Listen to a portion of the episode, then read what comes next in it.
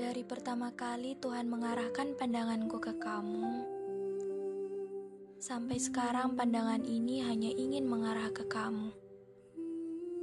Selalu ke kamu. Tapi kali ini Tuhan semakin mempersulit arah itu.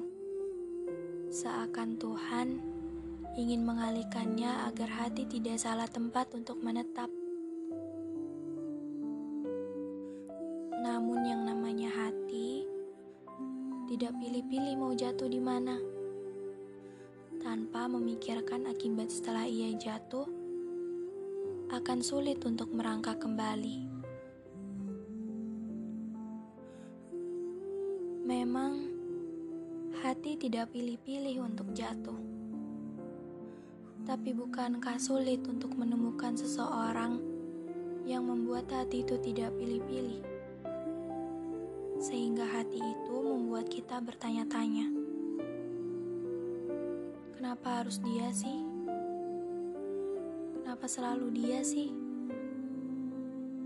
Pertanyaan itu ialah pertanyaan yang setiap hari aku mencari jawabannya namun tidak ada yang pas. Tidak ada yang pas kecuali karena Tuhan milihnya dia. Kadang yang dipilihin Tuhan bukan berarti akan terus ditetapi untuk kita. Bukan berarti perasaan yang dipilih akan ditetapi pada pemiliknya. Bisa jadi Tuhan memilihnya hanya untuk dijadikan sebagai pelajaran. Pelajaran untuk seseorang yang disiapkan Tuhan yang akan ditetapkan untuk kita. Untuk saat ini, memang selalu dia.